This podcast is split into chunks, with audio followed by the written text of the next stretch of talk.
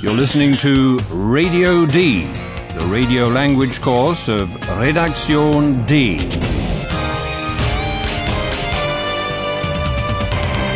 A joint project of the Goethe Institute and Deutsche Welle Radio. The author is Herrad Meese.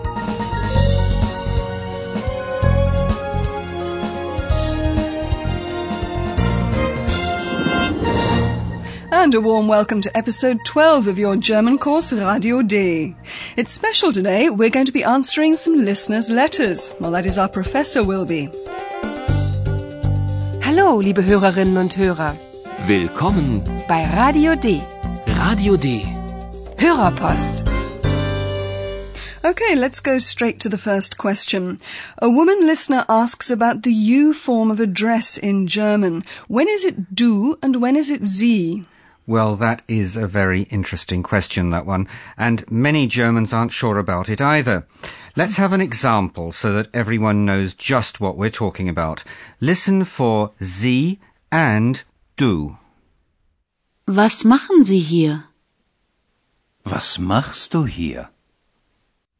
We'll now play you two bits from scenes in which these two questions are asked. You may even remember who said it to whom. Then you can get a feel for when one says du and when one says sie. Was machen Sie denn? Remember, that was the doctor of King Ludwig II. And he, of course, addresses the king very politely Of indeed. course. Yes, of course. And in German, the polite form of you is sie. Ayhan, was machst du da? And that was Josefina asking Ayhan what he's doing. And being young, knowing each other and having a lot to do with each other, Josefina and Ayhan are on du terms. Listen to two more examples and pay attention again to the roles of those conversing. Entschuldigung. Entschuldigung. Wer sind Sie? König Ludwig.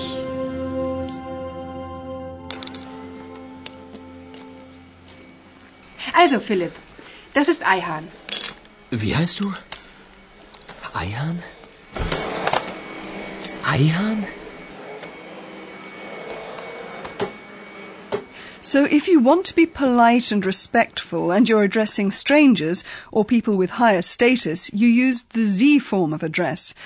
And among friends and people you know well, you use du, is that right? No, it's not quite as general as that.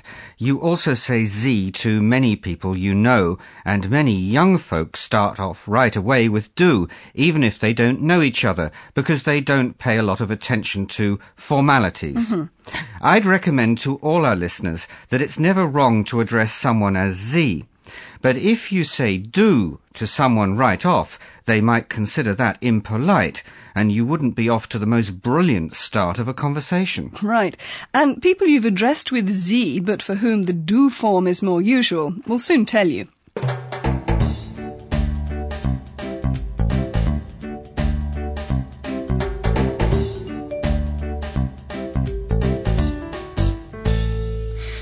Right, the next question from a listener is about how one's supposed to introduce oneself. Do you say only your first name or your first name and your surname? We talked about this in a previous episode and pointed out that it depends on the social context. I want our listeners to know that they can't go wrong giving just their surnames, especially on official occasions or when getting to know new people.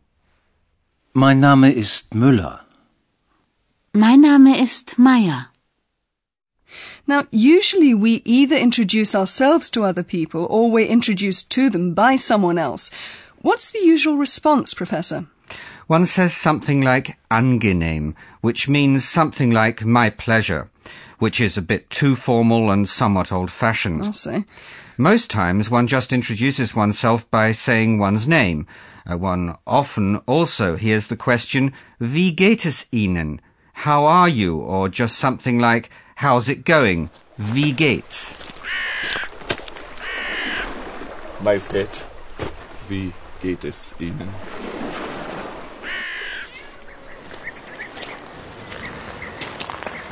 Tag, Hanne. Wie geht's?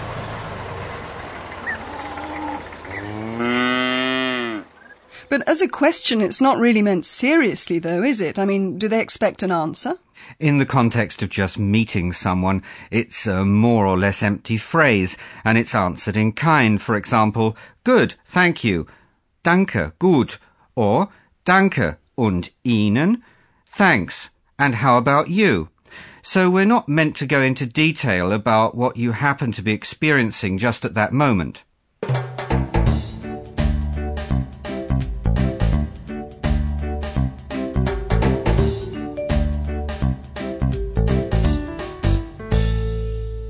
Okay, next question coming up, and it's a tough one. A listener asks about the use of the word denn. No, that's not a tough question. I wouldn't say that. Uh, I'd rather describe it as a smart question, though. I'm getting really excited about this one. The listener is asking about the function of denn. That's an unchangeable word belonging with the particles. Partikeln. Whoa, hang on. Before you get too abstract, Professor, let's have a couple of examples for the listeners. Wer bist du denn? Was machen Sie denn? You must have understood the two questions. Who are you? What are you doing? Depending on the context these questions are spoken in, they have different accentuations.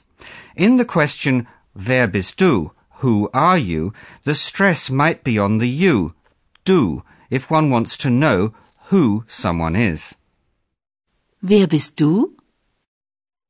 Also, curiosity or amazement is emphasized if you use the particle denn. For example, when Philip hears the voice of Compu for the first time. Wer bist du denn? Ich bin Compu. You use denn to react to something that was said or done earlier. The response can express amazement or perhaps annoyance. Have a listen again to the example in which the accent is on the verb machen. Was machen Sie denn? Understandably, King Ludwig's doctor is pretty annoyed when the king wants to pull him into the water. Was machen Sie denn? Halt! Halt! Like all particles, the little word denn does not fundamentally change the meaning of something being said, but it does modify it. That is, it strengthens or weakens it. So the meaning of the utterance stays the same. But why do our listeners have to know that? You're right, one understands the sentences without the particles too. Ah. One doesn't have to look long for the meaning, but our listeners should know that there's a lot of these particles in spoken German, and sentences with particles sound much smoother, not so dry. Right. Listen to two more examples. Was ist denn das? Ein Tisch, liebe Sissi?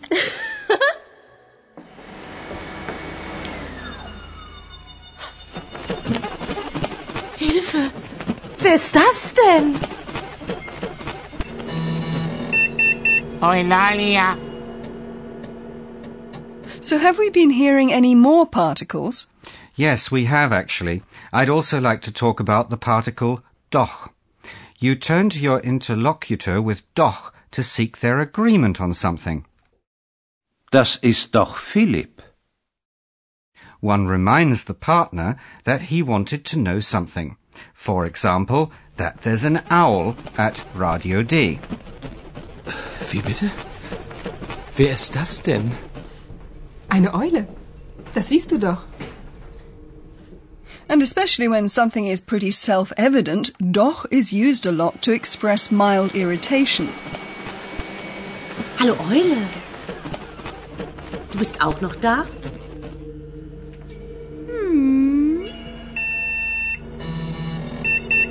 Das ist eine Eule, aber sie heißt Eulalia. Das weißt du doch.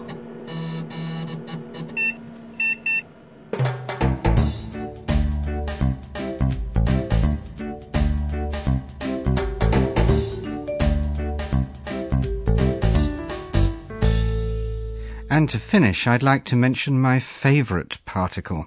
It's eigentlich. That means actually. And it's pretty mean. Wo ist Philipp? Wo ist eigentlich Philipp? How do you mean mean? Ah, well, it floats around looking harmless when in fact it can greatly strengthen an accusation. What do you think? Is Ayhan asking a harmless question, or does it also carry the accusation that Philip isn't in the current affairs room? Wo ist eigentlich Philipp? In München. Nein. Im Stau. Philipp ist im Stau.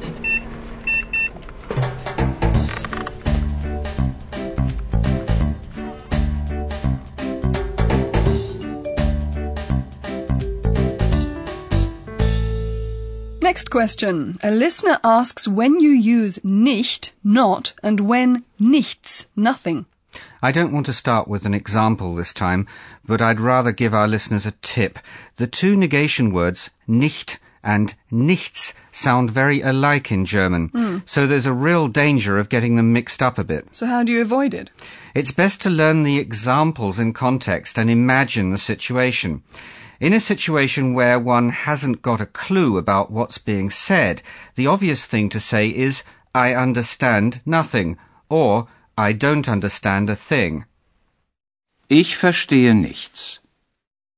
Right, that's what happens with Ayhan when Paula returns to the office from her reporting assignment about King Ludwig, and Ayhan can't understand why she's so cross. Paula, ich verstehe nichts. Ich verstehe überhaupt nichts. Du verstehst nichts? Ach, So nichts negates something general, for example, when one doesn't understand something at all. And I suppose there's the same difference in every language between not understanding something at all and not knowing about a specific thing. And in German, the latter is expressed by the word nicht. It always relates to something specific. Or it can simply negate a specific thing. For example, we hear that Philip is not at the Radio D current affairs office when his mother phones him there.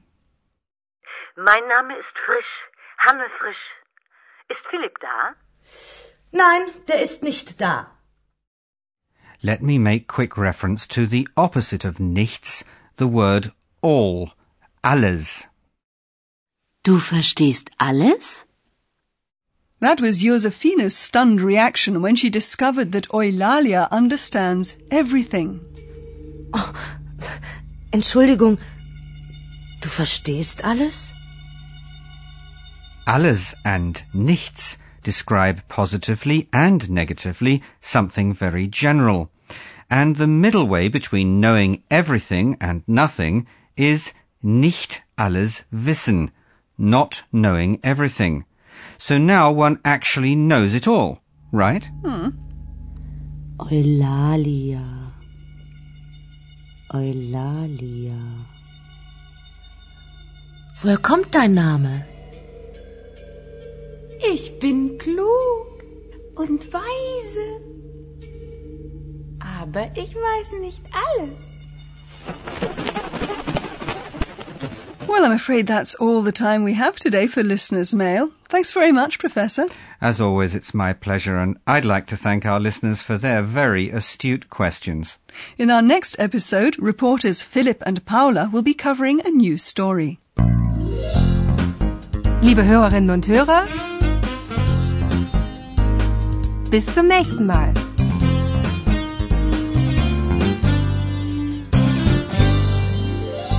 You've been listening to Radio D, a German course of the Goethe Institute and Deutsche Welle Radio. Und tschüss.